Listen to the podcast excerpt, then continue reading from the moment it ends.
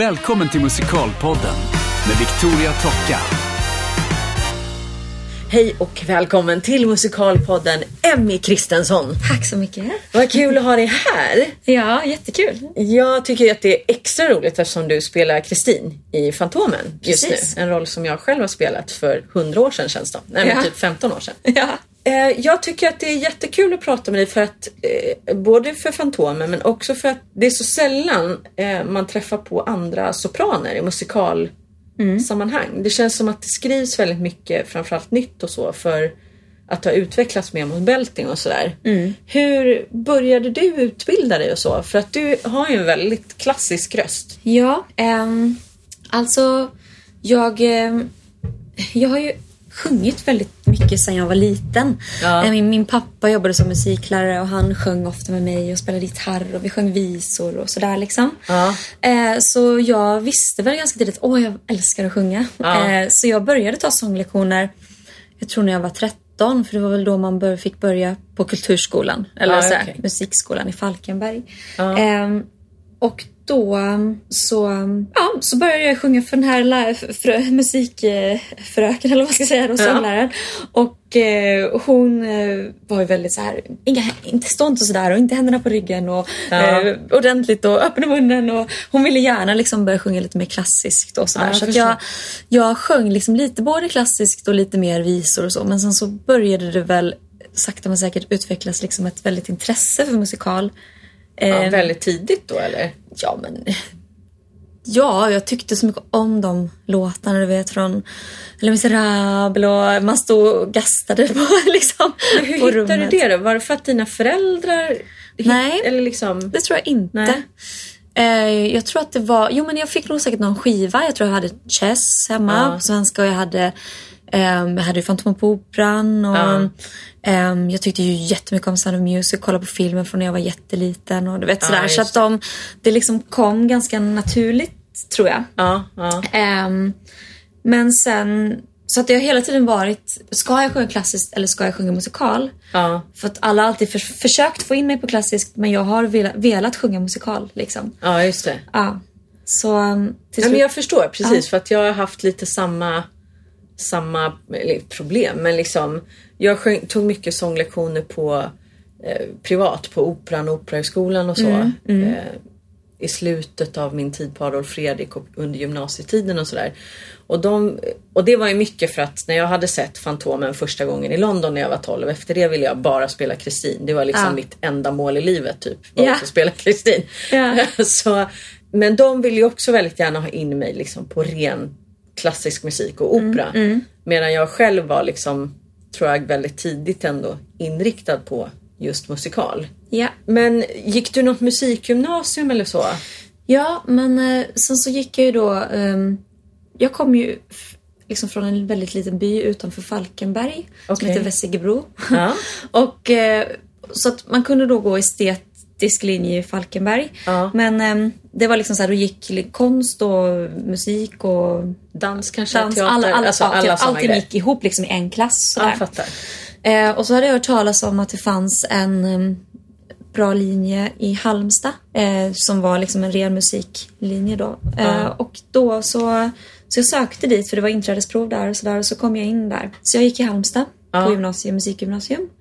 Och ehm, sen efter det så då var det väl också, då spelade jag väldigt mycket instrument. Jag spelade cello och sådär. Jag visste inte heller riktigt vad, om, vilket var det var jag skulle satsa på. Någonstans så visste jag nog innerst inne att det var sång jag ville Ja. satsa på och jag ville göra. Men jag var ändå liksom, jag hade kunnat satsa på cellon också lite sådär. Jag var lite grann Spelar du cello fortfarande? inte mycket. Inte mycket. Nej, det är tyvärr. ett så fint instrument tycker jag. Det är väldigt vackert. Ja, det är lite som en sångröst på något sätt fast... eh, Ja, det, alltså jag vet inte. Det är så sensuellt och fint. Alltså, Mm. jag, oj, jag älskar cello. Vad kul! Men eh, då i alla fall så gick jag ett år på Musikteaterskolan i Bjärnum som är liksom lite mer förberedande. Man får prova på Ja, allt det. möjligt och man sätter upp shower och sådär. Eh, och sen efter det så gick jag tre på Balettakademin. I Göteborg? I Göteborg. Ja, vad roligt. Ja. Hur upplevde du det på Balettakademin eh, när det gäller just din typ av röst? Ja, ehm, det var ju också när jag sökte till skolor och så, så var det liksom, man var inne i någon slags sväng om att ska man sjunga musikal så måste man ju kunna bälta. Ja. Så jag fokuserade väldigt mycket på det under en period och stå och gapa i alla möjliga rum och, Ja. och sådär liksom. Men jag är fortfarande inte, alltså jag, jag kan ju lite grann men det är fortfarande inte det som är min, min starka sida. Liksom. Nej. Och det var väl det jag sakta men säkert insåg kanske under Balettakademin och man, man hittade liksom vad är, vem är jag? Ja, Och vad skulle jag passa som? Eh, liksom, ja precis. hade jag varit ehm, ja, men 1,80 och liksom haft lite en annan typ av, alltså sett lite mer vuxen ut kanske eller Ja. något sånt så hade det kanske inte funkat att jag sjöng de här fina sopran eh, trudelutterna liksom. Då kanske Nej, man hade precis. behövt ha det här lite mer power. Ja. För att rösten, för att göra musikal så måste ju rösten på något sätt lite grann matcha Ja, eh, precis. den man är eller det utseende man har. Ja men det är ju, det är ju mycket typecasting. Väldigt mycket. Mm. Eh, och eh, jag har ju pratat om det många gånger därför att jag själv har känt att eh, framförallt då när jag var yngre så har liksom min röst inte riktigt passat med min kropp. För att jag eh, har ju liksom aldrig riktigt fysiskt varit den här ingenue, alltså flickan. Liksom. Nej, jag förstår. Eh, medan min röst har varit där. Mm. Och att det då liksom, ja men jag var nära så många gånger och få Mm. många av de här rollerna som jag röstmässigt funkade jättebra för. Alltså vi var ju typ två stycken kvar för Cosette i London och jag fick det inte för jag var för lång liksom. Och Mm. Ja. Jag var och sjöng för Kristin i London flera gånger och de tyckte jättemycket om det men vår fantom är för kort. Ja men du vet sådär. Ja, Så det var ja. Mm. hela tiden liksom det det föll på. Eh, Sen hade jag ju turen att få det i Köpenhamn just för att Peter Jorde som spelade min fantom är 1,96 typ. Han är jättestor. Mm, Och då funkade det. Men eh, generellt så är ju inte jag, eller var jag inte då, Nej. liksom den typiska eh, flicksopranen. Så, Alltså, Nej, så. nej. så att jag förstår ju när jag ser dig. Att, Ja. alltså, där är det ju verkligen eh, kropp och röst, eller vad ska jag säga? I ett paket. Nej men för, Jo, men- för den typen av grejer. För att du är ju väldigt liksom liten, eller Jo. flickig och Ja. så. Jo, men- Så det passar ju väldigt bra. På något sätt så, det var ju aldrig, det var faktiskt absolut inte någonting jag tänkte på när jag gick och utbildade mig och man ville bara sjunga, dansa och agera så bra som möjligt på något sätt. Jag tänkte Ja. aldrig, eller det tog lite tid. Men liksom när man kom ut från em, skolan så åkte man ju och sökte liksom vad som helst. Det var ju, jag hade ju säkert åkt och sökt liksom eller jag var väl och sökte roller som jag aldrig någonsin egentligen skulle vara aktuell för. Men dels så finns det ju inte så extremt mycket jobb att söka och sen Nej. så vet man ju aldrig exakt vad det är folk är ute efter. Men Nej. till exempel i London, Ja. där vet man liksom att ehm, där går man inte på auditions som man inte är typecastad för Nej, att precis. gå på. Där är det så här, ja, nu ska vi ha, du är, du är sopran, du är mellan det här och det här, du ser ut så här. Eh, nu söker de en tjej som ser ut så här, har den här klädstorleken och, alltså, Ja, och då, det är väldigt det är specifikt. Ja, Ja. det är extremt specifikt och det gör också det lite enklare. Ja. Eh, och eh, det är lite mer snällt mot en själv kan jag tycka. För Alltså, att, eh, framförallt så tror jag att det är bra. Eh, jag upplevde det också på Balettakademin som Mm. att liksom ehm, de ville att man skulle vara så bred som möjligt för Ja. att man ska kunna söka så mycket som möjligt. Och det på ett sätt är väl bra för att Mm. liksom, men samtidigt så kan jag tycka att i vissa fall då Eh, alltså där, det, där man är en sån specifik typ Mm. och har en sån specifik röst och så, så är det ju otroligt bra tror jag att verkligen så här, jobba på sin spetskompetens eller det man liksom Ja. precis det du beskriver nu det här med att ja men är jag den perfekta liksom ingenue, sopran liksom för det, alltså då är det ju de grejerna man ska söka därför att Ja. det blir enklare på ett sätt. Ja, och eh, man, eh, det är ju jobbigt att gå på audition så det är jobbigt att ehm, utsätta sig för den situationen Ja. väldigt ofta. Och ja, går man mycket på audition som man egentligen vet att här... Alltså det är nästan som att kasta sin tid och energi Ja. i sjön lite. Fast så ska jag inte heller säga för man får ju träning. Och ah, alltså på något sätt så leder de steg man tar och de grej, grejerna man gör i livet leder ju ofta en någonstans på rätt väg ändå. Jo, såklart. Men, Men, alltså, jag eh, förstår ju precis vad du säger. För att det är jobbigt att gå och få alla de här nejen också på grejer som inte ens kändes liksom riktigt rätt från början. Ja, och som man inte känner att man riktigt kan ge sitt, göra sitt allra bästa. Nej, och som man inte precis. kan ge sitt allt. Då är det mer ångest än vad det är kul liksom. På något vis. Ja, men och jag tänker så här, jag menar alla som går på auditions, man står ju där och är liksom, de flesta är ju rätt så nervösa. Alltså det är en jobbig situation. Ja, absolut. Och liksom hur du än vrider och vänder på det så blir det ju ett konkurrenstänk därför att alla vill ha jobb. Oh liksom. ja. Oh ja. Och då kan jag känna att då är det ändå roligare att gå och göra en audition eller gå när man känner att man har en chans. När man är liksom, ja men det här är jag bra på. Oh ja. Visst det finns liksom fler som är bra på det här men jag är också väldigt bra på det här. Än när du går på grejer där du kommer in i ett rum och liksom shit här sitter liksom 40 andra tjejer som är bättre än mig på det här. Ja. Alltså förstår vad jag menar? Ja men det är de, i alla fall för mig så är det ju de auditions som där man känner att man är rätt. Det är de auditions som jag har bra och positiva minnen ifrån. För Ja. att det är då man kan känna att ah, men, det här gick ändå bra och det här, även om jag inte får det här så känner jag mig nöjd. Jag har visat vem Ja, jag är och så här. Men när man går på auditions där man då känner att vad gör jag här Ja. egentligen? Det är då man ofta går därifrån med en känsla som inte är så kul kanske. Nej men precis. Men så då gick du, när gick du ut Balettakademin? 2007. Ja okej. Eh, och vad hände då, då? För att du har ju jobbat ganska mycket sedan skolan. Ja, jag har ju det. Ja. Ehm, ja, i, i slutet av trean där så på Balettakademin så det var ju ganska det är ju en- liksom, det är en tuff utbildning att gå. Det är Ja. ju mycket liksom Ja. svett och tårar som de säger. Men det är ju verkligen det. Ja. Alltså, men jag var väldigt så, jag skulle klara det och jag skulle vara väldigt fokuserad. Och, men i slutet av trean så var vi inte så jättestor klass kvar för det var en del som hade hoppat av och en del som redan hade fått jobb och sådär. Ja. Så vi var kanske 11-12 personer, vi var ganska tajta kvar. Eh, och det var bara jag och en annan tjej kvar i klassen som liksom inte hade fått något jobb. Okej. Eh, och det var så här, åh, det var, det var jobb, en jobbig period liksom. Alla Ja, bara, åh vi ska dit sen, och vad ska ni göra när vi ska klara? Och du vet man hade så mycket förväntningar. Ja men och, så stressen. Ja, också, gud, enorm eller hur? stress. Ja, och visst. det är jobbigt i Ja. trean. Och någonstans, förlåt att jag avbryter dig nu, okej. men jag bara känner så här. Jag kommer ihåg, man tror ju gärna också för att man är i sin skolbubbla. Ja. Att det är liksom, det blir så viktigt liksom vad som händer med alla andra i klassen. Ja, och Så visst. att, och, ja men så här, Ja. man ser liksom inte the big picture på Nej. något sätt. Och att just det här första jobbet och vem har jobb direkt efter Alltså det blir så stort och det ligger en stress och en press i det där som liksom när jag blickar tillbaks liksom, Mm. jag menar jag gick ut för snart 20 år sedan, det är helt sjukt. Ja. Men Ja. så och, och liksom tittar på ja, hela bilden och liksom vilka som fortfarande jobbar och vad folk gör och har gjort och sådär. Mm. Så liksom man ska inte, man kan inte hetsa så mycket där och då men jag förstår ju att det blir så i Ja. den här miljön där man befinner sig liksom.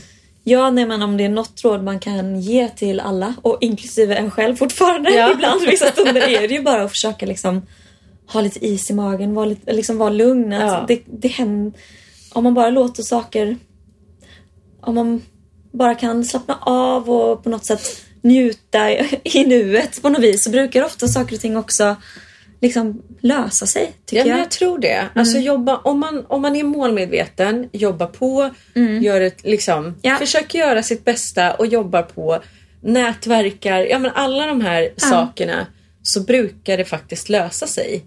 Ja, i alla fall för de allra flesta jag känner. Och Ja. inklusive mig själv. Ja, så att, eh, men i alla fall, där i slutet på trean så, um, så sökte de då, det var audition för um, Sound of Music här i Stockholm. Ja, så det var kanske bara så två veckor innan jag skulle gå ut. Um, så då åkte jag upp här några gånger och eh, till slut sen då så fick jag jobb där. Ah. Eller till slut, men ja. Det, så jag fick veta det bara några dagar innan vi skulle gå ut skolan. Och min, den andra tjejen som var kvar, som inte heller hade fått någonting, hon fick också så här bara några dagar innan veta att hon skulle vara så här eh, programledare på Bolibompa. Jaha. Nina Hjelmqvist om ni vet. Vi gick samma klass nämligen och vi var sist kvar men vi fick jättebra jobb ju. Så att vi Ja, var så här. roligt. Ja, vi var ju extremt glada. Ja, Så- skratta bäst som skrattar sist. Jajamän. Nej men liksom ibland så, ja, man får bara ha lite is i magen. Men eh, så då flyttade jag till Stockholm. Då kände jag mig som en riktig sån lantlolla som kom till storstan. Nej. det gjorde jag faktiskt. Men då spelade du eh, Lisel. Lisel ja. Ja, Mm, jag delade Lisel med en annan kompis, Ulrika. Ja, okej. Ehm, så vi gjorde det och sen så varannan vecka gjorde vi Lisel och varannan vecka gjorde vi typ så här ensemble. ja. Ehm, Men vilken produktion var det? Vem var det som spelade Maria? Det var Pernilla Wahlgren. Ja, okej. Det Mm. och var den produktionen. Oh, Tommy Nilsson. Okej, ja. Bara så att vi är med. För den har ju gått i omgångar. Så det var, måste ju ändå ha varit ett väldigt kul första jobb liksom. Ja men gud, det var ju, det var ju som en dröm. Ja. Alltså verkligen. Det var, och som jag sa, att jag hade ju kollat på den där filmen från när jag var liksom fyra eller fem och drömt om att pappa skulle bära mig över ett berg sådär som de gör i slutet. Och han bara, nej du får gå själv. Ja, han sa typ så en gång när jag frågade honom, men du är för tung för det. Man bara, åh. Men eh, ja. Nej men så att det var ju helt otroligt kul. Verkligen. Det var som en, eh, som en helt ny värld öppnades. För jag hade varit så otroligt fokuserad också på liksom, skola och ta mig igenom det här. Jag hade liksom inte, om man kan säga så, levt livet riktigt utan det var mest Nej. bara Helt plötsligt hade man liksom pengar eller man kunde hitta på grejer man var lite ute lite och jag åt sushi första gången i mitt liv och jag älskade det och jag köpte sushi varje dag. Och, ja, du vet sådär. Ja. Det där liksom, när liksom det vuxna livet på något sätt började lite. Ja men också få komma ut tänker jag verkligen eh, alltså slängas in eller vad jag ska säga i en riktig produktion. Mm. Ja. Eh, en bra produktion på en bra teater och i en fin roll som man liksom kan jag tänka mig också då, alltså det var ju verkligen en lämplig Ja, ja men både storlek på roll och liksom röstmässigt, ja men allting liksom. Absolut, Så här, superfin absolut. start på Ja. karriären efter skolan känns det som. och en väldigt kul föreställning att vara en del av för det är så mycket blandade åldrar. Med barnen och med nunnor och med, alltså så här, det är verkligen, Ja. det känns som en ja, stor familj på något sätt. Ja. Tyckte jag då i alla fall och jag tror att det ofta blir så med, en- med en sån produktion. Ja, precis. Ja. Men vad hände efter Sound of Music då? Alltså du var i Malmö och grejer, men du får berätta Mm. själv. Vad gjorde du efter Sound of Music? Oj, det skulle nästan behöva mitt CV här. Nej men alltså jag var ju runt Nej, men på alltså olika produktioner. Ja. Ehm, men jag, jag var ju i Oslo ett år, gjorde, jag var swing i Mamma Mia. Jaha. Eh, på norska då. Jag var i Karlstad en liten sväng och gjorde Spring Awakening och jag... ehm, sen så fick jag väl göra en liten produktion på Malmöoperan eh, på Operaverkstan. Ja. Som finns där. Det är lite mer, lite mer riktat mot barn och ungdom. Ja. Så, så. Fantastics hette den. Ja. Eh, och det öppnade väl upp för att jag sen då fick göra audition för Les Misérables där. ja, just det. Eh, och det var ju också en sån, vad ska man säga, Mm, en milstolpe eller vad man ska Ja, säga då. precis. För att eh, det är också en roll som jag hade, en föreställning som man hade drömt om att få vara med Ja, i såklart. och en roll som jag jättegärna ville göra. Eh, Ja, så, för där spelar du korsett. ja, precis. Ja, Mm. exakt.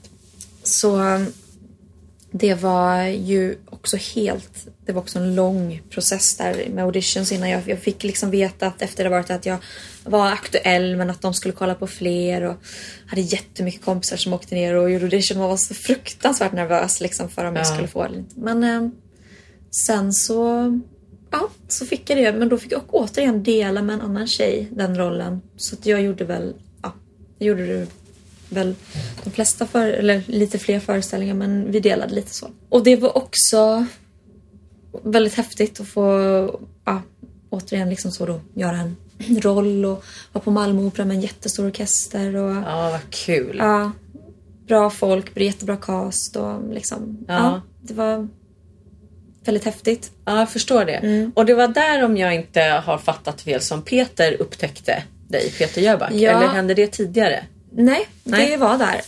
Det var ju också en sån ja, konstig grej. Men eh, det var egentligen inte så att han hade inte sett föreställningen utan han eh, fick ett samtal från eh, Cameron McIntosh som ju är den stora Ja. musikalproducenten som kanske alla som lyssnar på det här vet. Ja, det borde de eh, veta i alla fall. Ja, Ja. ehm, och eh, då skulle de precis spela in den här filmen, Les Ja, Misérables-filmen det. som hade premiär för några år sedan.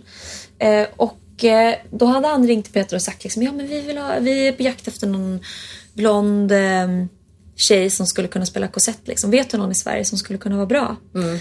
Och då visste inte han direkt någon men han visste ju att Lemis gick i Malmö då. Så Just han det. ringde lite kompisar i den produktionen och då tipsade de om mig. Ja. Så då fick jag plöt- plötsligt ett samtal från eh, Peter då. Ja, okej. Ehm, det var ett okänt nummer så att jag tog det liksom inte för att jag bara, nej, och jag var så trött, det var en morgon. så jag tänkte jag någon som pratat in, jaha, ja, men då får jag väl lyssna. Och då var det ju bara, ja hej, eh, det här är Peter, eh, Peter Jöback. Jag bara, nej. Det kan det ju inte vara. Varför skulle han ringa mig liksom? Jag tänkte det är säkert ja, men Glenn eller någon som ringer och luras. men eh, det var Peter och eh, så jag ringde tillbaka till honom såklart och så så sa han då att eh, det är jättebråttom för det kan vara så att de redan har liksom castat men eh, kan du inte skicka in en video till mig och göra den så fort som möjligt så att jag kan skicka vidare den och se om, det, om de Ja. skulle vara intresserade. Så då gjorde jag ju det i ilfart. Ja. Ehm, och eh, sen så skickade jag den till Peter och så skickade han Vad var via- det för video då? Nej men då stod jag bara i ett rum liksom med ett piano typ och Ja. eh, så Filip sjunga Cosette-grejerna. Ja. Ja, och då eh, så sa pappa att ah, jättefint, jag skickar vidare det här till, eh, till London. Liksom. Ja. Och sen så vet jag att de tittade på det där i London och sen att de skickade vidare det till eh, USA eller någonstans där då. Men sen så hörde jag ingenting och sen bara några dagar efter så fick jag veta att eh, hon Amanda Seyfried? Ja, jag kan aldrig säga Ja. hennes efternamn. Nej, men vi hon är- säger att ja, man säger så. Precis. Ja. Eh, hon, att hon fick det, så då tänkte jag, ja, ja, då, det var det. Men det var ju en häftig grej att ha fått, fått vara med om. Liksom. Ja, precis. Och helt plötsligt så kom också någon, någonting som hade känts så väldigt långt borta. Liksom Ja. London, alltså USA. Alltså allting där hade jag liksom, det var som en, någonting man tänkte, ah, det hade varit häftigt. Men det var inte någonting som jag liksom verkligen gått och drömt om eller tänkt på så jättemycket att jag vill jättegärna till West End eller Nej, men kanske kändes långt borta Ja, då? väldigt långt så? borta. Men helt plötsligt kändes det lite närmre. Och eh, då var det så att jag var och tog en sånglektion i London. Jag åkte bara dit med en kompis och så pratade vi med någon annan som vi visste som sa ah, men ni kan ju gå till den här till exempel. Så då gick jag till en sångpedagog där då. Ja.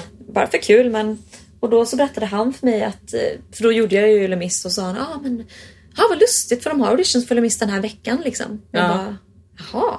Ja. Han bara, ja, men du borde bara gå ner till teatern. De kanske gör auditions nu. Jag bara tänkte, nej men det kan man väl inte göra. Man kan ju inte bara gå dit liksom. Det är sånt, sånt. så gör man ju inte. I alla fall inte i Sverige liksom. Nej, nej. Men så var det lite sådär ibland känner man, men, vad, jag kommer aldrig mer att träffa dem om jag skulle gå dit och skämma ut Vad har jag förlorat liksom på att bara Ja. gå dit och kolla om de fortfarande har auditions? Ja. Så jag gick dit och först eh, så, så sa de då, gick jag in där på vanliga biljettluckan och de bara nej, nej, nej, nej, det är liksom inte. Så, så gick jag liksom runt för då hade ju han sångaren sagt ja, man kanske kan gå till Stage Door eller något och kolla. Ja. Så gick jag lite så öppnades dörren till Stage Door så jag tittade bara in och det är väldigt tight där ofta i Stage Door. Det är ju Ja. bara som en liten lucka nästan. Ja. Så satt en man där så sa jag ja, ehm, det här är lite konstigt men jag är från Sverige och jag gör Cosette Les Misérables i Sverige och jag ehm, var precis på en sånglektion och eh, han sa att eh, ni har auditions just nu så jag tänkte bara kolla om det eventuellt var så att liksom. Ja. Och han var lite så här, ja, nej, de är redan klara här för dagen men ja, du kan ju testa ringa det här numret. Ja. Ehm, då var det ett, nummer som jag ringde då och så. Och då tänkte ja, så återigen, jag vet inte riktigt var jag fick mod ifrån men jag bara gjorde det. Så Ja. jag ringde och bara eh, och då var det så här, ja, Cameron McIntosh office. Och jag tänkte, gud, jag dör! jag är verkligen där. Men eh, då sa jag bara som det var att ja, precis så som jag hade sagt till honom att jag var från Sverige. Jag, och så sa jag ju också det att jag, och jag har också skickat in en video via Peter Jöback för Ja. någon vecka sedan så här. Jaha. Ja, vänta lite sa de och så försvann de och så kom de tillbaka. Men vad sa du att du hette nu igen? Och jag bara Emmy Kristensson. Jaha, okej. Mm. Och eh, så sa de till mig att de var precis klara med auditions för Les Misérables. Ja. Eh, de hade redan bestämt sig och castat för det. Eh, frågade lite hur länge jag var kvar. Så nej, jag åker ju redan imorgon. Och så, aha, okej. Ja, nej, men för då kanske inte blir aktuellt nu. Men eventuellt så kanske du vill komma och söka för Christine. Ja. Sa de då. Och då trodde jag ju nästan jag skulle svimma. det var ju verkligen det jag ville. Mest av allt liksom. Det är ju Ja. min absoluta så. Som för dig, drömroll. Så då ehm, fick jag helt enkelt, eh, då, ja, så då sa vi bara ja, men hej då och så sa de skicka ditt, mail, skicka ditt CV och mail och så till oss så, Ja. så vi har det. Och eh, på den vägen är det liksom. Ja.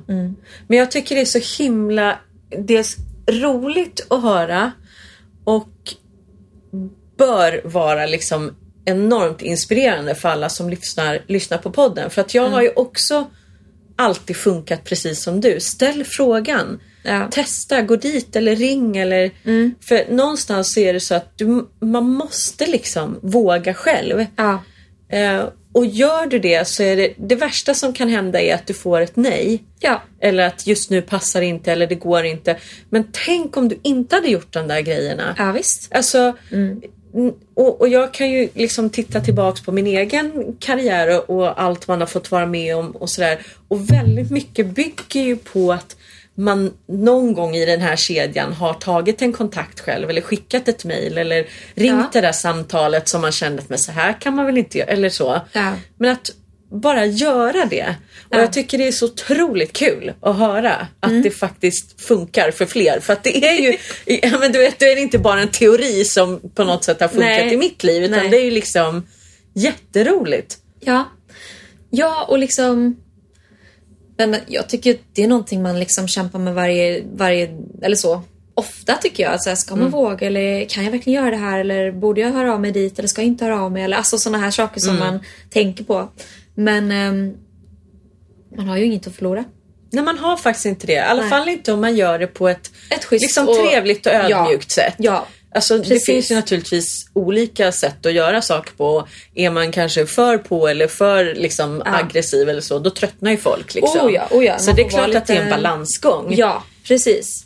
Ja. Men eh, jag menar, kan man hantera det på ett sunt sätt tänkte jag säga, då tror jag att folk oftast bara är tacksamma för att man hör av sig. ja, jag tror också det. Jag kan tänka mig att även om man är Cameron McIntosh Ja. Office Ja. Så är det väl jätteroligt att höra ifrån bra folk som vill jobba med en. Ja, och, och det som också man får tänka på i London är att de är ju ständigt på jakt efter nya Christines och Cosettes och Elphabas och allt vad de nu är. Liksom. De, Ja. det, är inte, det är inte lätt att komma in på de- deras auditions för att ehm, Ja, de håller ju och det går via agenter och så man ska ha lite tur på det sättet som jag Mm. kom in i. Det, är- det är ju väldigt få förunnat. Där hade jag ju en enorm tur. Mm. Och också så här att vara på rätt plats på rätt... Alltså, alltså tillfälligheter liksom. Ehm, men de är ju ständigt på jakt efter de här personerna för att de, det går ju år efter år liksom. Ja, de här precis. föreställningarna. Så att är man liksom någon, passar man väldigt bra för en specifik roll eller tycker att man har det som verkligen Ja. krävs för den så liksom tror jag verkligen på att spela in grejer och liksom Ja, försök men skicka iväg och kanske även agenter i London och överallt vill ju också de vill ju alltid se prov och arbetsprov och de tar ju inte in någon bara på att säga, och säga att ja, men jag är bra på att sjunga utan de vill ju se och få bevis på det men Ja, har man det och sådär så, så finns det ofta eh, vägar att gå. Tror Ja, jag. ja men det tror jag också. Ja. Och det är precis som du säger att det är klart att de, de vill ju hitta nästa perfekta Kristin eller perfekta Ja. Elfaba. Absolut. Och då skiter nog de i, om jag får svära lite, i om det kommer via en agent eller från Sverige eller från England. Alltså, Ja. de vill ju bara hitta rätt person. Ja. Ehm, och där tror jag att där får man liksom vara lite proaktiv också. Mm. Och liksom ehm, tänker jag hur man kanske då också profilerar sig i sin sociala media eller liksom alla de här grejerna. För att Säkert. sånt tror jag också spelar roll Ja. nu för tiden. Ja. Alltså, det är inte så att man kanske blir upptäckt av en agent eller en producent via Youtube så. Men någon kanske ser något eller hör något som Ja men sådär, den, Ja. den här nätverksgrejen liksom. Absolut. Det känns som att efter att ha jobbat lite tag nu eh, och jobbat med många liksom, ja, större skådespelare och allt möjligt också att eh, den här eh, lite grann rädslan för att kanske inte få fler jobb eller inte längre vara någon som folk ringer eller Ja. den finns nog, jag, jag, jag undrar Ja, det finns väl säkert några som inte behöver oroa sig överhuvudtaget men jag tror att hos de allra flesta så, så finns den liksom kvar. Ja men den ständigt, finns ju ständigt där Ja. någonstans. Så jag tror att liksom det är man får nog bara inse att ska man jobba med det här och ska man ge sig in i den här världen och branschen Mm. då, då får man också Dels måste man vara lite kreativ och påhittig själv för att kunna liksom jobba. Mm. Ja. Ehm, och sen så får man också hitta ett, alltså det kommer komma de här perioderna där man sitter och bara känner sådär. Som att, nej, men Mm. jag, det är ingen som hör jag, Man känner sig ensam och man känner sig ganska värdelös och man känner sig Ja. lite vilsen. Liksom. Det finns nog, det, det kommer nog komma och gå under ens karriär. Det tror hela jag tiden. också. Ja. Så att man får på Absolut. något sätt bara, är det värt det liksom? Är, Ja. vi- vill, får man ändå ut så mycket av att få jo- jobba med det här och det på något sätt Mm. Fungerar ändå, man kan leva och man kan ha ett bra liv. Ja. Eller mår man mest bara dåligt och har ångest för all massa saker och varför man ingen ringer och, alltså så här, och man kanske tycker det är jättejobbigt att ringa de där samtalen eller vad det nu är. Då kanske man inte är i rätt bransch liksom. Nej. På något sätt. Nej, på något precis. sätt så är det lite så tror jag. Men, eh, för jag läste också någonstans att eh, du var ganska orolig eller lite låg innan du fick Kristin. Att det var nästan lite så att fasen ska jag hålla på med det här eller inte? Ja, alltså jag tycker att eh, de där, den där tanken kommer lite då och då liksom. Det är liksom. Även om det har gått ju faktiskt väldigt, väldigt bra och det går ju väldigt bra så är det klart så tycker jag ändå att de där tankarna på liksom det är ett speciellt sätt att leva och det är en lite osäker, eh, man har liksom ingen trygg och säker framtid eller man ser liksom ingen väg som är såhär, ja den vägen. För att visst, jag kan tänka den vägen men man vet att vad som helst kan liksom hända på något sätt. Ja, man styr ju inte allt själv. Nej, man kan inte det. Man är bero, liksom... ehm, så, och då vissa stunder när jag sitter och tänker sådär och man är lite kanske lite Mm. låg över något, då kan det liksom kännas så, nej men ska jag verkligen göra det här? Men jag tror att det du kanske läste var nog eh, precis innan jag fick Kristin, Mm. för då var jag, jag hade först gjort eh, West Story i Malmö, Mm. eh, en drömroll. Och sen så hade jag varit i Norge igen då på våren och gjort eh, Les Misérables och Cosette. Och eh, jag hade liksom inte sökt så mycket. Det hade varit, var en sån här period och det jag hade sökt hade jag liksom inte fått. Det var en period jag kände så här att nej, jag kanske bara ska ta en liten paus och åka, liksom flytta tillbaka till Stockholm och jag hade träffat en kille och jag tänkte att vi kanske bara ska jag kanske bara ska liksom se lite Ja. testa lite andra, kanske ska se hur det skulle vara att jobba lite bakom scen. Eller vet sådär lite Ja. grann kanske med alltså. Men, eh, men jag tänkte ändå med det här med London för det låg ändå där i bakhuvudet att åh, Ja. det hade ju varit, om det är någon gång så är det ju nu liksom. Jag tror inte Ja. jag vill göra det om liksom fem år och då kommer jag kanske vara för gammal. Och, ah. Så då satt jag och skrev ett mail till London där jag skrev liksom hej jag bara undrar om det kommer ha några auditions i år eller så. Så skulle jag bara läsa igenom det någon gång till innan jag skickade och precis då så fick jag ett mail i min inkorg från London. Nej. Jo, så det var ju också så här, nej men gud. Där de skrev liksom, hej vi ska auditions nu igen, vi undrar om du är intresserad av att komma, kan du komma då och då? För det är ju väldigt snabba ryck där. Ja, precis. Mer än vad det är här. Så um, det var ju absolut en, en, en det kändes ju som att, och det är lite så det har varit. Varenda gång jag har känt att jag faktiskt lite grann har tvi, tvivlat så är det nästan alltid någonting som har kom, kommit. Ja. Och det tycker jag, jag har läst fler intervjuer med folk sådär att eh, Ja. Nej, jag var på väg att börja läsa till sjukgymnast och så kom det där jobbet. Eller Ja. jag var på väg att lägga ner och så fick jag Mamma Mia. Eller vad det nu Jag har Ja. liksom hört det ganska många gånger. Ja. Nu var jag väl kanske inte på väg att lägga ner. Det kanske är Nej, lite nej, så här, nej, men, men eh, lite men- dramatiskt. ja, lite dramatiskt. men eh, och nu känner jag liksom någonstans att nu, nu har det ju hänt väldigt mycket roliga grejer och det går liksom bra för mig Ja. tillfället. Även om jag vet att vilken sekund som helst så kan det ju på något sätt vända. Men det känns som jag börjat jobba upp någonting som känns bra och Mm. eh, då får man liksom också försöka och den här oron tror jag ju som jag har pratat om ständigt Mm. finns med men man får försöka att bara tänka att hittills har det ju gått liksom och det är ja ändå men tio också år våga nu. njuta i ja, nuet. ja, verkligen. Det är ju också en liten sån här att det är lätt liksom i en när man är i en, i en produktion att, att folk ibland glömmer att njuta av den produktionen de är i. Mm. För att man liksom nästan redan mentalt tänker så här, men vad ska jag göra efter det här? Och så börjar man bli stressad för något som liksom ja, Ja. inte är här och nu. Men just för att man lever frilans och, och sådär att liksom nästa jobb eller nästa grej blir viktig. Men att jag tror att det kan vara viktigt också att verkligen stanna upp och njuta i att ja men nu gör jag faktiskt det här och speciellt de gånger när man ja, men får göra en drömroll eller får Ja. göra en, något som man kanske har, drömt om länge att liksom våga bara så här Oh ja. Gud vad roligt och bra det här är. För hur än det är, det kommer gå upp och ner liksom. Mm. Eh, vågorna kanske blir större eller mindre eller liksom, det Mm. där vet man aldrig. Men att våga njuta när det verkligen Ja. är bra också. Och Ja. klappa sig lite på axeln och bara fasen vad duktig du har varit. Vad kul. Liksom så här, Ja, hurra verkligen. för mig. Liksom. Jag tycker vi generellt är lite dåliga på det i Sverige. Liksom, för att man får liksom inte, ja men jante och allt det här, man får liksom inte säga nästan att Nej. man själv tycker att man har gjort bra saker eller så. Nej. Men eh, det är den här inre rösten man också måste vårda på något sätt. Alltså att även Ja. om du inte går och säger till alla andra, att ändå våga säga till dig själv att bara, nej men fasen titta på allt du har lyckats med och vad duktig du är. Eller liksom, Absolut. Och jag tycker att det är lättare nu. nu. Ja. Alltså, ju fler år man har jobbat, ju äldre man blir, ju mer kan jag man faktiskt... För att på Mm. något sätt så, som jag sa, så har man också... Eh, de första åren så tror man hela tiden att man går liksom, åh nej men nu fick jag det här, yes yes yes. Ja. Men nästa gång kanske jag inte får alltså, så här, Ja. Nu känner jag mig lite mer trygg i att eh, det kommer grejer och det löser Ja. sig liksom. På, på, olika, på ett eller annat sätt. Eh, så jag tycker att jag blivit mycket bättre på att faktiskt njuta i, i nuet.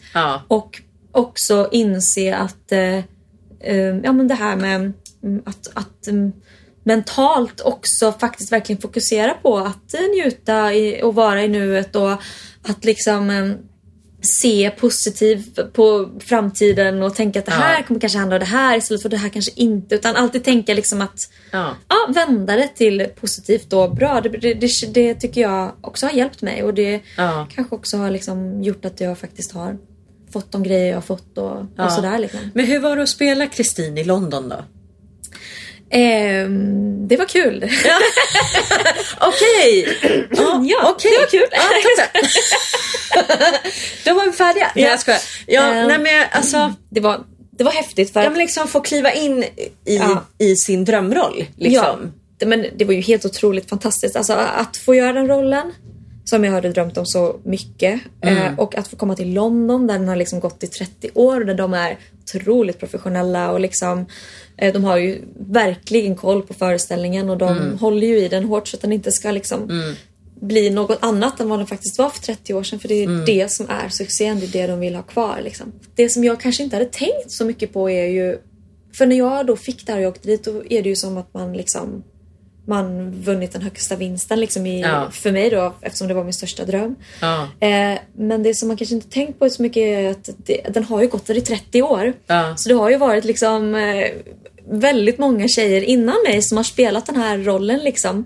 Och eh, man ska in i ett slags hjul som Ja. går och som har gått i 30 år. Ja. Så det är liksom inte på samma sätt som när man sätter upp en ny produktion här i Sverige. Alla träffas första gången och Nej. man har kollationering och man börjar så nosa på materialet. Liksom. Utan där Nej. är det sådär Hej! Eh, gud vad kul att eh, ni är här idag. Typ, man är några stycken nya då som Ja. ska in i ett cast change. Och, så, så, och sen är det liksom bara fullt ös. Så.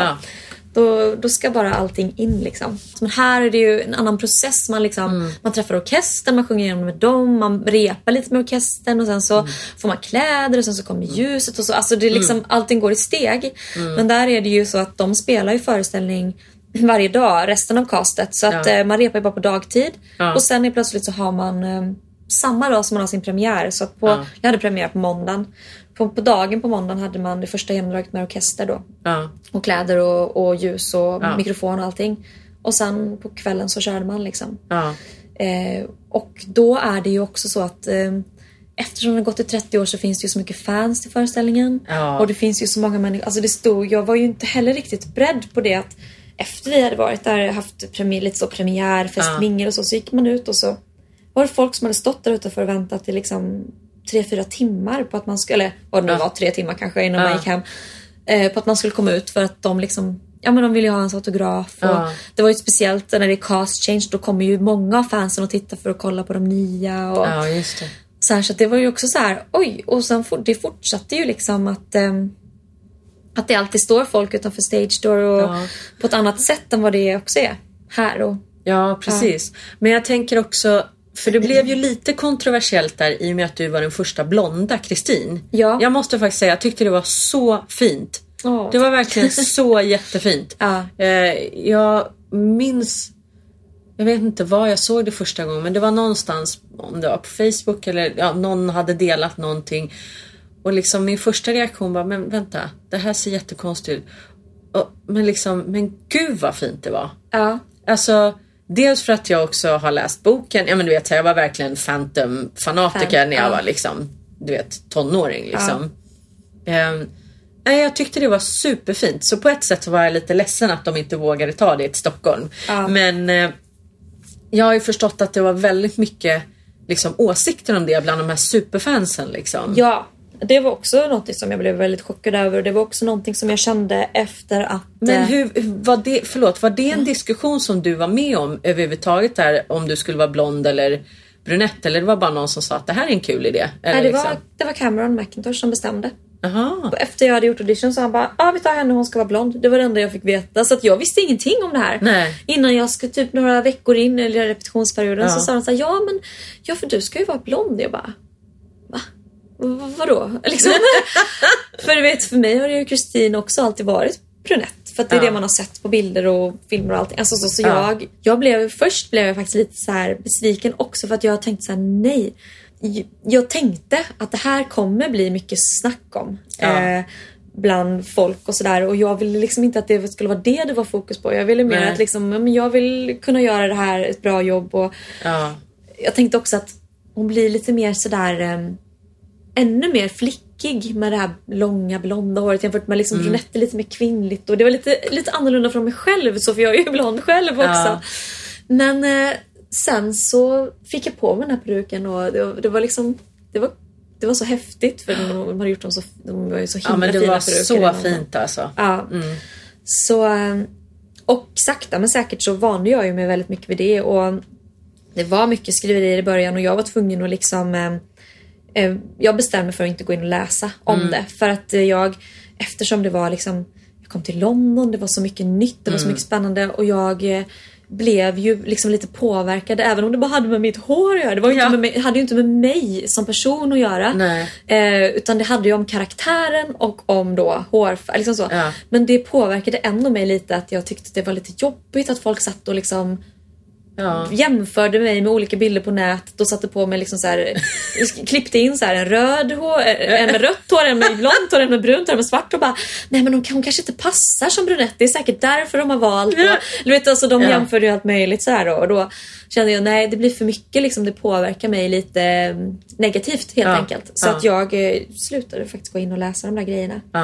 Eh, men sen var det ju väldigt många som stod utanför Stage ofta och det var väldigt många sen som sa så här. "Ja, men först när jag såg det så tänkte jag bara nej, men nu älskar jag att du är blond och det, var, det blev väldigt en positiv grej till slut. Ja, jag, ja men det förstår jag. Ja. Alltså, jag kan ju förstå som sagt, det, Phantom är ju en sån här nästan kultmusikal nu. Den har gått så Ja. himla länge. Ja. Och liksom det ska vara samma lika hela tiden. Men jag tyckte det var otroligt fint alltså. Ja, ja men det var Jättekul. fint. Och sen här i Sverige, till Sverige så var det ju den regissören då som jag gjorde uppsättningen här. Det är en annan regissör och ett annat team och allting. Ja. Han ville att Kristin skulle vara brunett som hon alltid har varit och, ring, och skrev Ja, ett mejl till mig och frågade ifall jag hade någonting emot det. Ja. Och sa nej, alltså det, det gör ingenting för mig. Jag, jag kan vara brunett också. Ja. ja men det är ju också jättefint. Men Ja. det var bara, ja. ja, nej men jag, jag förstår vad du menar. Ja, det var väldigt kul tycker jag att men se. det var bara. kul. Ja, det förstår jag. Lite och du fick ju vara med och göra väldigt mycket roliga grejer. Du var på Olivier Awards. Precis, ja. ja. Det var, eh, det var en jättehäftig upplevelse. Ja, Verkligen. det förstår jag. För jag menar, jag kan ju tänka mig att kommer man in i en föreställning som också har gått så himla länge Mm. så är det kanske inte jättevanligt att man får vara med och göra massa sådana där extra grejer längre. Eller vad jag ska säga. Utan man är, man är del i, precis som du sa, det här hjulet Ja. som snurrar och sen är man färdig och så går man vidare till nästa projekt kanske eller så. Men du fick ju verkligen vara med och göra mycket roliga grejer. Ja, absolut. Ja. Det var... Ja, nej men alltså. Det är nästan som man kan ko- kolla tillbaka på dem. Nu när man har flyttat tillbaka till Sverige och det har ju kanske, ja men det har gått lite tid fast ändå inte jättemycket men så. Det är nästan som att det är någon lite så här. Har det verkligen hänt liksom? Ja. För att eh, det var verkligen en otroligt häftig upplevelse och, vara- och de sakerna jag fick vara med om liksom. Det, det, Ja. Skulle du vilja åka tillbaks till London och jobba igen? Um, alltså, dyker det upp någonting som jag så, återigen skulle vara sådär liksom klippt och skuren för eller perfekt och någonting som Mm. man gärna skulle vilja få vara en del av så skulle jag kunna tänka mig att åka tillbaka. Ja. Men det är ett hår, liksom, hårt arbetsklimat. Man, Ja. man jobbar ju så eh, väldigt mycket. Så att eh, jag känner liksom lite grann att eh, man har nästan inget annat liv än sitt eh, musikalliv. Eh, man jobbar åtta föreställningar i veckan. Jag kanske sa det, men eh, det blir... Det finns lite andra saker i livet Ja, än bara jobb för mig nu känner jag. Som jag kanske... Det var inte riktigt samma sak innan kanske. Då hade Nej. man... Men jag, om man ska jobba så mycket så ska det verkligen vara för Mm. någonting man känner att det här känns... Det här vill jag verkligen göra. Annars Ja. så försöker jag nog hellre att jobb, fortsätta jobba, mer i Sverige och så. Ja. Men hur kändes det att få ta hem Kristin till Sverige då? Jo, det var också, alltså gud jag... Ja men som du då så har jag ju drömt, alltså jag drömde ju aldrig om att få göra Kristin på West End. Jag drömde Nej. om att få göra det i Sverige liksom. För det var Ja. ju det jag så, såg som nästan möjligt. Ja. Och jag har suttit och tänkt så här, ah, men nu är jag liksom, nu är jag så här många år och nu var det så här många år sedan Fantomen var i Sverige. Så det borde kanske vara, bara, bara jag hinner bli liksom i alla fall 25 innan den kommer för då kanske jag har chans att få det. Och så jag satt Ja. där och tänkte liksom. Ehm, så att, att jag fick det i London och att jag sen när jag var i London där efter att ha gjort det ett år eller vad det var fick reda på att ja men nu den kanske ska komma upp till Sverige. Och det blev, det, så det var ju verkligen, jag ville det så enormt gärna så det gav mig nästan magont för att jag ville så mycket liksom faktiskt. Ja. Eh, efter att ha gjort det. Det var som att det kändes som att allting har byggts upp till att jag ska få komma hem och göra Kristin i Sverige. Men Ja. jag var ju tvungen att gå på audition som, som alla andra liksom. Ja. Och man vet ju alltid att när det är audition så man vet aldrig liksom. Nej, det kan ju Ehm, dyka upp någon. det Liksom. kan dyka upp någon annan som de blir helt förälskade i eller det kan vara så att eh, jag kanske inte gör så bra ifrån mig precis på den audition som skulle Ja. vara eller så. Så att jag var väldigt nervös inför audition. Sen så visste jag ju liksom producenter och så jag hade ju varit och tittat på mig i London och Ja, de var just det. jättenöjda. Men det var ju just upp till det här amerikanska teamet då. Mm. Eh, som jag inte alls känner och de hade aldrig sett mig Nej. på scen eller sådär. Så att eh, det var fantastiskt när jag fick det beskedet också. Ja, och såklart. eh, ja, nu, vi håller ju fortfarande på så det är liksom, det är bara, det, det är, det är verkligen... Ja, jag har bara sett dig två gånger. Ja, ja, men eh, jag det tror var att... jätte, jättebra. Åh, Ja, nej men alltså, och där är man ju lite så skadad tänkte jag säga när man liksom har gjort det själv. För jag Mm. spelar ju också typ i två år i Danmark.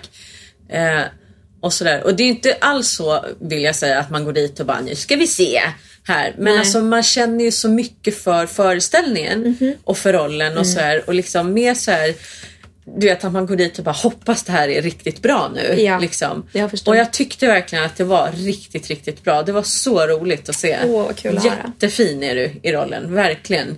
Så att det kändes så här, ja, men det kändes skönt på något sätt. att Bara, om jag kan lämna över henne Ja. till Emmy, varsågod. Nej men så. Nej, men för tack. att det blir ju liksom en, för mig är det en, också en jättestor milstolpe liksom, Mm, i, i min karriär. Eh, och då känns det skönt när man så kan lämna över stafettpinnen på något sätt och känna att ja, men, Emmy tar hand om henne. Ja. Jo, nej men det är klart, det blir så. Man skapar verkligen ett eh, band eller någonting till de där rollerna som man har Mm. gjort och som man, som man älskar på något vis. Ja, precis. Ehm, så får se hur du känner liksom om 15 år när du går och ser Ja, eh, en nästa. för- ja, och sådär.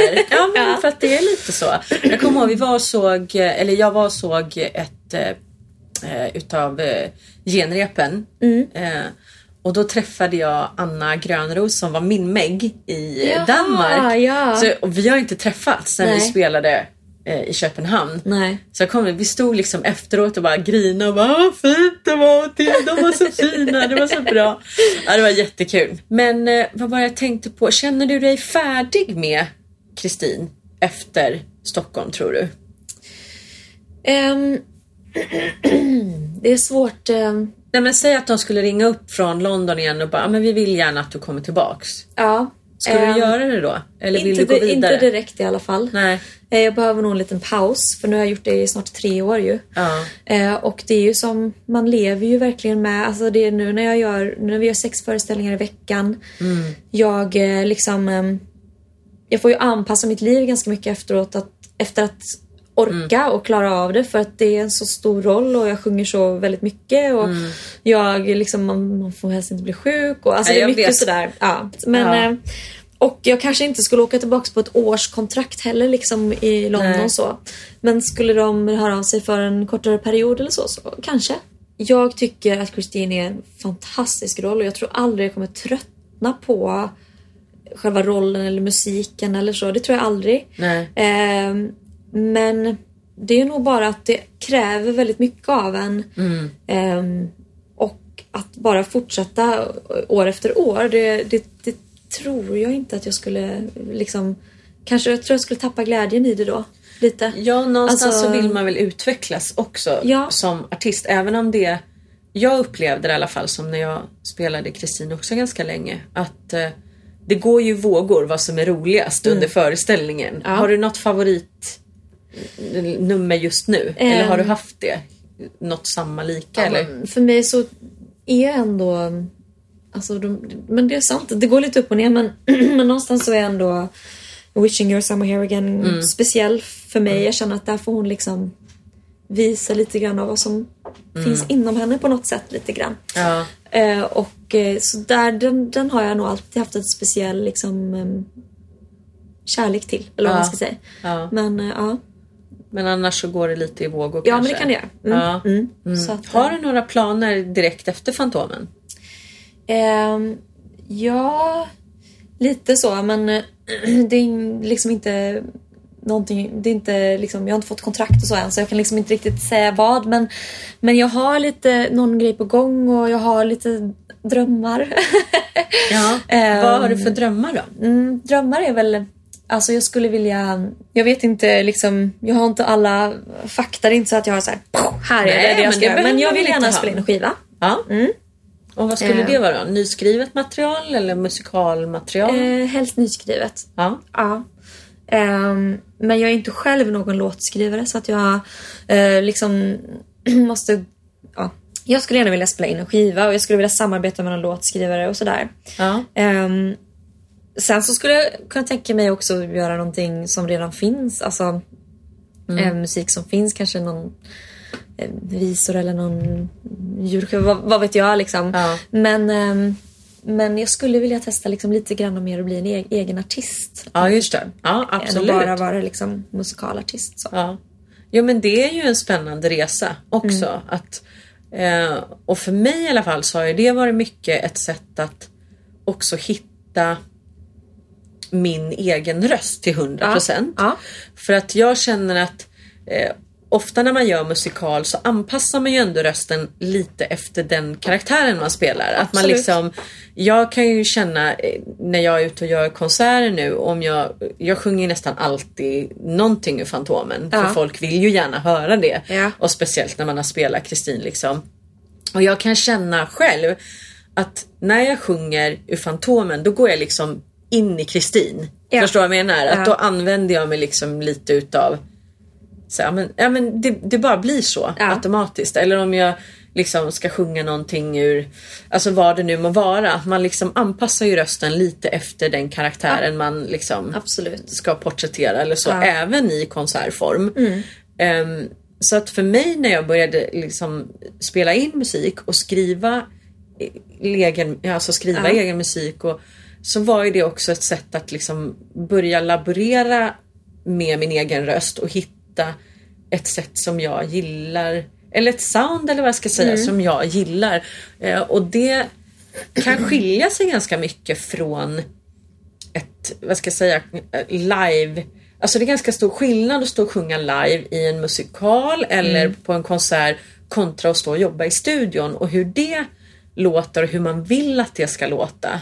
Förstår vad jag menar Mm. Ja. då? Och det är ganska kul har, har jag tyckt att liksom verkligen så här få ja, men det här studioarbetet och lära känna sin egen röst på Ja. ett helt annat sätt än vad jag har gjort innan. Ehm, ja, och jag- jag känner att jag har utvecklats otroligt mycket som sångerska eh, av att faktiskt få jobba i studio och jobba med material och liksom Jag så att jag, jag förstår liksom din Ja.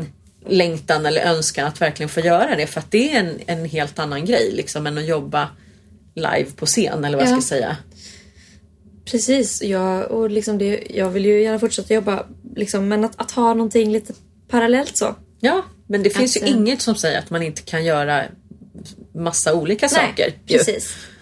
För att liksom, ja men som du säger, för att lite grann hitta vem jag är i ett sånt sammanhang. Ja, Mm. Ja, men när du bara ska vara Emmy. ja. ja, Ja. precis. Det, Ja. det är verkligen en, någonting att fundera på. Ja, men och det behöver man ju inte, de svaren behöver man ju inte ha på en gång. Alltså, nej, nej, nej. Absolut. Jag tror inte att jag fortfarande vet det. Vissa artister är ju väldigt tydliga, alltså de som är liksom popartister eller Ja. liksom Vissa är ju väldigt tydliga med vad de är och vad de alltså, Ja. Och det blir väldigt tydligt. Jag Ja. har ju aldrig varit en sån Jag tycker det är roligt att prova olika saker. Ja, Liksom. ja. Eh, och där har jag kanske ibland varit otydlig ut. Jag tänker så här när man riktar sig till media eller riktar liksom sådär. Mm. För att jag har liksom aldrig haft någon så här jätteutarbetad plan. Nej. Förstår du vad jag menar? Ja, jag. Utan det är så här, men för att för mig så handlar inte musik och sång och att vara kreativ om att lägga upp en marknadsplan i första hand. Liksom. Nej. Utan det handlar om att jag bara måste få vara fri och göra det jag vill och se. Och se. Ja. Och, liksom. Att få testa sig fram lite grann. Mm. Och hitta det som känns rätt. För att det är inte så lätt alltid att veta exakt vad det är man vill. Eh, ibland måste, alltså, liksom, du måste veta vad du vill, ja. Men ibland måste man ju få prova sig fram Ja, för, att få, precis. för att få veta det lite. lite liksom. Ja men och, och, kommer man då från, alltså musikal är ju ändå en ganska hårt hållen form. Eller vad man ska säga. ja. Och speciellt om du har då gjort en föreställning som Phantom till exempel. Mm. Där, ja men här ska han sätta handen på ditt ansikte och du ska titta ditåt och sen ska liksom, Mm. du vet ju precis. Även om man naturligtvis får lägga, alltså min Kristin var ju säkert väldigt annorlunda mot din egentligen. Jo, visst, liksom. ja. Men så är det ju ändå ganska så hårda ramar liksom för vad du Absolut. får eller ska göra och så. Så att, att sen få komma ut i sammanhang eller vad man ska säga där det inte finns några gränser alls utan Ja. du kan bara testa och känna själv. Ja. Så upplevde jag i alla fall som att det var jag tyckte det var, eller har alltid tyckt att det varit skönt att inte ha ett skivbolag till exempel. Utan att finansiera mina grejer själv och göra, få göra som jag vill. Liksom. Ehm, och generellt så kan jag väl säga att de gånger jag har haft en manager eller en agent eller sådär så känner jag att jag många gånger liksom har fått kompromissa över saker som ju, alltså Därför att det är svårt att veta själv alltid och så liksom lyssnar man på någon annan och ibland blir det bra, ibland blir det mindre bra. Och, alltså, ja. men det har varit en väldigt spännande och rolig liksom, Ja, resa att ja. göra och liksom bara få Och det finns liksom kvar. Det är för alltid ditt. Ja. Eller förstår du vad jag menar? Och det finns liksom... ehm, när man gör en produktion så är det liksom, man går in i den här rollen och sen så plötsligt är den över och sen så eh, är det liksom Det finns lite bilder kanske. Ja, lite Alltså, bilder så här- eller ett minne. Alltså så Ja. i minnet och från andra. Men det, jag, det, jag tycker det är liksom en härlig känsla ibland att få ha någonting som finns, en produkt som finns kvar. Ja, precis. Liksom. Och den, det är din liksom och den på något sätt äger du och det är du som har gjort det. Alltså liksom, Ja, det är en häftig känsla. Ja. Nej, men, och du gör rösten till svenska rösten till Bell i nya Beauty and the Beast. Ja, precis. Ja, var det roligt? Ja, det var jättekul. Verkligen. Alltså, det var ju det är också en sån här dröm man har haft. Ja. Att man ska någon gång få göra typ en Disney-röst. liksom. Och jag har aldrig trott, tror jag, eller jo, någonstans har jag nog trott att ja, men det kanske blir, blir någon gång. Men jag kommer ju liksom, ofta så väljer de ju liksom ganska rikssvensk röst. Eller vet sådär, Ja. jag är ju lite, jag är ju från västkusten och jag eh, tycker liksom inte själv att jag har en så bra talröst. Så att när jag fick då att jag skulle gå in på röstprov för det så tänkte jag oj, har jag aldrig varit på något, jag har aldrig gjort ett röstprov i hela mitt liv liksom. Så jag bara, ja det låter ju jättekul. Det kan jag ju testa. Men eh, så fick jag iväg det och sen så fick jag bara, jag, jag hann, hann liksom inte få upp förväntningarna så mycket om, om Nej. jag skulle få det eller inte för att jag tänkte att det tror jag inte att jag får. Men eh, så fick jag det så det var ju jätte, jättehäftigt och ehm, det, var, det var spännande och, och svårare än vad jag trodde det skulle vara. Ja. Eh, för att det är så mycket att hålla reda på. Ehm, och sen så tror jag också eftersom hon då, Emma Watson är ju en riktig människa. Det är Ja, inte en figur. figur, Nej. nej. Så att eh, det blir liksom, jag har ju då aldrig gjort det till en tecknad figur men jag tror att det är svårare till en verklig människa än en tecknad figur. För att Mm. där rör ju sig mun, man kan ju inte få det att se likadant Nej. ut för jag pratar ju ett annat språk liksom. Ja. Och har en annan kanske längd på min fras. Att det var, det var, var pill, ganska pilligt liksom. Ja. Men eh, det gick bra och liksom eh, ju mer man gör, alltså jag, jag blev ju bara mer och mer van ju mer jag, och jag hade ju en jätteduktig ja, regissör Jocke där som hjälpte mig och jag tyckte det, det gick jättebra. Men det är kul, det, det ska bli jättespännande och alltså ja. Det, Men då fick du sjunga sångerna också såklart. Ja, vad kul. Mm. Men det var ju så här då, jag fick komma tillbaka sen en gång. För att hon låter ju väldigt ung, eh, Emma Watson, i sitt eh, sätt och liksom hur hon sjunger och hur de Ja, har liksom... Hon är väl inte egentligen en riktig... Mm, kanske inte. Alltså, Sångerska, nej. liksom. Så jag hade ju, vi liksom Ja. la ju lite på lite vibrato och jag liksom, Ja. vet, man svällde på någon ton och så. Ja. Men det ville de ju då inte ha. Utan Nej. det skulle ju låta så. Det ska ju helst låta då som Emma Watson och det blir ju lite konstigt när det är Ja. en själv liksom. Så jag fick ta bort vibrato på en del grejer och sådär. Jag sjunger det väldigt enkelt liksom. Ja. Väldigt så, ja men ungt. Ja, precis. På något vis. Men eh, det, det var kul. Det var kul att få testa liksom. Ja men allting blir ju en, det blir en utmaning det också liksom. Ja, precis. Ja. Nej men alltså det är ju en speciell grej att stå och dubba. För att för de som inte vet hur det går till när man Ja. dubbar i en studio. Kan du berätta lite grann vad, vad som händer? Man har ju en eh, TV eller en stor bildskärm framför sig. Ja. Där det liksom står sekunder uppe i hörnet så här. Så att de det Ja. tickar liksom ner till när man ska säga sin replik. Sen har man en datorskärm framför sig och där står då exakt på vilken sekund den här repliken kommer.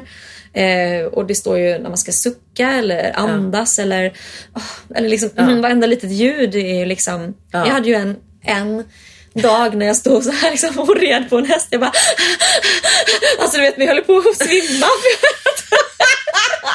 Ja men det, Hyperventilera ja, inte, man andas va? så mycket luft. Man tänker ju inte på det för man är så inne i den här hästen som galopperar liksom.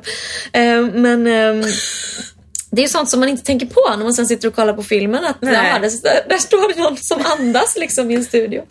Men, ehm, och sen så då så har man ju hörlurar och mikrofon.